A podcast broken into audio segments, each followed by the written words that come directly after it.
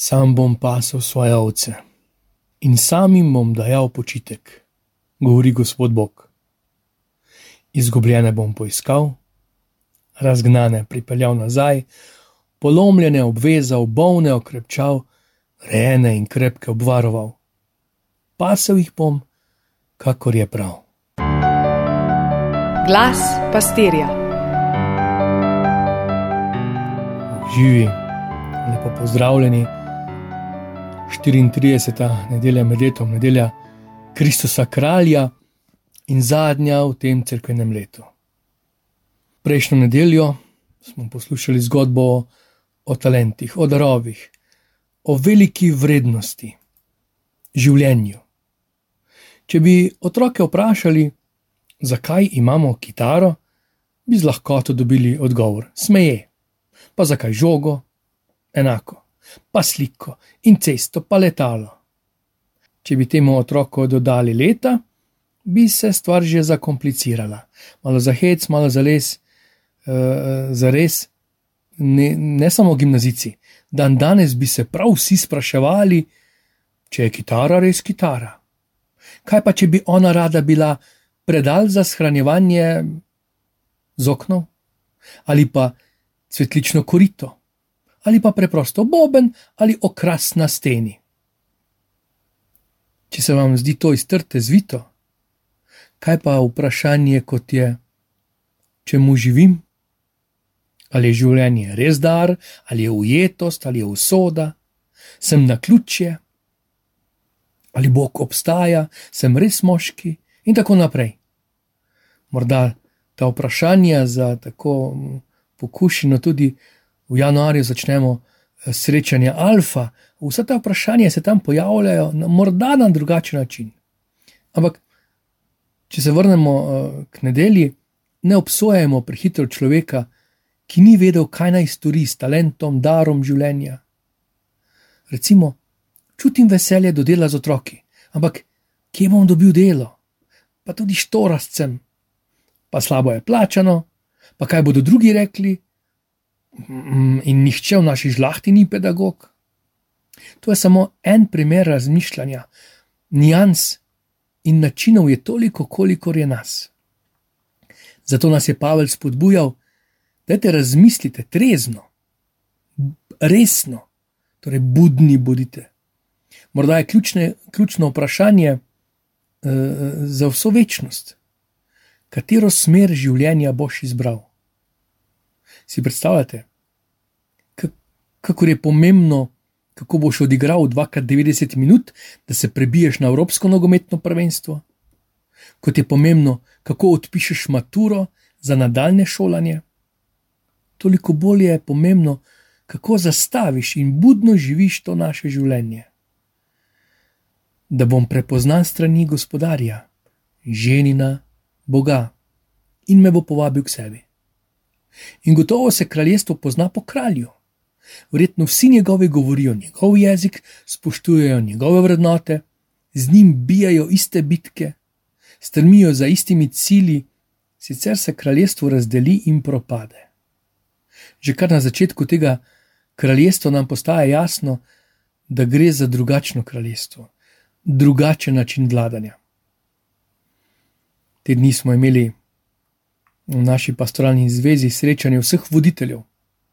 V pripravi kateheze me je nagovorila misel Napoleona, ki pravi približno tako: Poznam ljudi in povem vam, da Jezus Kristus ni samo človek. Z nikomer ga ni mogoče primerjati. Aleksandr, Cezar, Karel Veliki in jaz smo ustanovili imperije. Tudi na čem smo gradili stvaritve našega genija, na silo. Jezus Kristus je svoje cesarstvo ustanovil na ljubezni in ob tej uri bi milijoni ljudi umrli za njim. Njegovo vodenje ni kraljevanje silo, z vojsko, vplivom moči, bogatstva, ampak služenje. Kaj pa če je to lažja pot? Pot, ki nam jo omogoča, princip, ki je dosegljiv, vsakomur, vedno bežno se spominjam diplomskega zagovora, mislim, da sem se lepše oblekel, se priporočal molitev, mislim, da se nisem pretirano bal, malo že. Vsekakor manj kot takrat, ko sem delal izpit za avto, vendar, če bi imel recimo na višku svojih sanj možnost kandidirati za vstop v kakšno dobro nogometno ekipo, bi gotovo dal od sebe vse. Komisiji bi dovolil, da me izprašajo, testirajo, izmučijo, da gredo do roba mojih fizičnih, psihofizičnih zmožnosti, pa še čez, samo da bi bil sprejet. Morda je komu to matura, drugemu magistrski zagovor, komu vloga za službo. Kakšne pogoje vse moramo izpolnjevati, na kaj vse moramo pristati, vse, da bi nam uspelo. Končno tudi, da smo zdravi, da dobimo avto z vsemi popusti, popotovanje pod redno ceno, luksuzni abonma, ki se ga po redni poti sploh ne da dobiti. In smo pri življenjski maturi, poslednji sodbi. Spominjam se zapisov iz dnevnika, gospod, ne še, nisem še pripravljen. Pa kasnejši zapiski. Morda bi bilo bolje, da se srečava čim prej, ne vem, če bom ohranil vero. Ne vem, če te bom prepoznal po glasu, še bolj bojim se, da ti ne boš prepoznal mene. Kako to lažeča je beseda preroka, kako zauzeto gospod, veliki pastir, išče svoje ovce, on sam. On sam jih bo, mene bo poiskal, tudi tja, kjer se temni, v moji zapuščenosti, v pozabljenosti, poiskal me bo. Ko bom izgubljen, ko ne bom več obvladal življenja in odnosov in sebe, pripeljal me bo nazaj, ranjenega me bo obvezal, bolnega me bo okrepčal, močnega in varnega me bo obvaroval, brez očitkov, brez drobnega tiska. Vse bo prav. Ja, to je njegovo kraljestvo. In to je njegov način kraljevanja. Želim si biti del takšnega kraljestva, želim biti del tega življenja, želim dihati tak zrak, misliti takšne misliti, misli, govoriti tak jezik, verovati to vero, ljubiti iz te ljubezni. Toda kako? Za mano je skoraj 20 let šolanja, pa se večkrat ne znam obrniti v pravo smer ne znam oceniti situacije, najti pravo besedo. Ne morem reči, da živim polno, kaj šele popolno. Kako naj to dosežem, da bom lahko vstopil in bom del tega nebeškega kraljevanja? Ne želim biti samo del nebeškega kraljestva, v njem nek tujek. Biti med svetimi, sam pa razcapanec, med blagimi, sam pa neotesan, med tistimi, ki Boga slavijo, sam pa s kletvijo na ustih, med tistimi, ki ljubijo, sam pa živeti strah, biti odet v resnico drugih, sam pa se izmotavati v laž. Ne želim si biti del nebeškega kraljestva z občutkom, da sem tujec, da ne spadam tja, da kradem kraljestvo, kradem svetost, da sem tat svetega katera pot me vodi do nebeškega kraljestva, katera šola me pripravi na njega.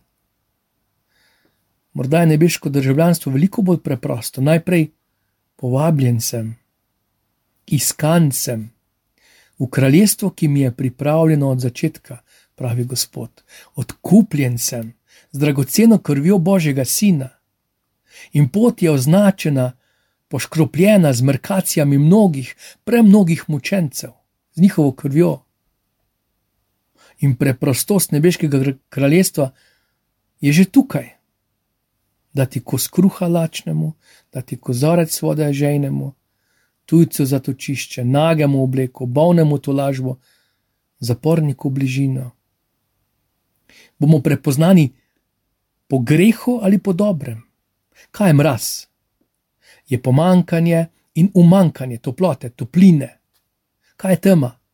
Je pomankanje in umankanje svetlobe in razsvetljenja.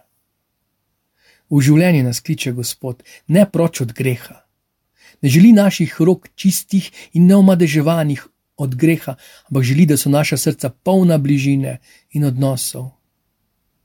Nebeško kraljestvo ni najvišja oblika umetnine, ob kateri ti zastane dih in se bojiš, da ji boš z vsakim dihom skazil lepoto in ugled.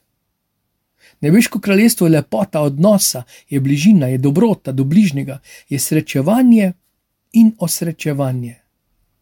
Sveti Janez od križa nas spominja na naš večer življenja, v katerem bomo sojeni po ljubezni, sodila nas bo pa ljubezen sama. Zato je pot krščanstva tako škandalozna, ni rdeča preproga, niso izbrane rodbine človeštva, ampak je vsakodnevna preprostost vsakega človeškega srca. Dejansko je svetost način bivanja, po božje gledano, ki ga zmore vsak, prav vsak. Tako preprost, da se na koncu, kakor v Evangeliju, ti ubogi sveti sprašujejo: hm, kdaj smo te videli lačnega, ženega, tujca, nagega, bolnega, uječi, tebe, Gospod? Seveda sem delil hrano lačnim, do ne bi. Sodelavcu dal vodo, kdaj, tujcu pomagal najti smer, obogemu dal tisti polover, negoval bolno ubico, pisal kolegov zapor. Toda vse to ni nič takega. Dragi moj, to si meni storil in to spreminja svet. Kaj vse človeštvo poskuša, da bi izboljšalo življenje? Standard, da bi rešili planet, zaživeli v blagostanju, v miru, srečno. Pa je na dlani rešitev, v mojem najbližjem. Nikakor ne pridem v nebesa sam, popoln, nikakor. Ko sem v Bog, ko se dotikam bolečine, srcem se dotikam nebeškega kraljestva. Ko delim in sem deležen dobrote, srce že doživlja Božje. Pa ne pozabimo tega ob prihajajočem Miklaužu, ne v obilnih darilih in glasni družbi. Dobroti srca, da svoj čas podarim bližnjemu in skupaj z njim okušava Boga. Bog živi, blagoslovim se dobro.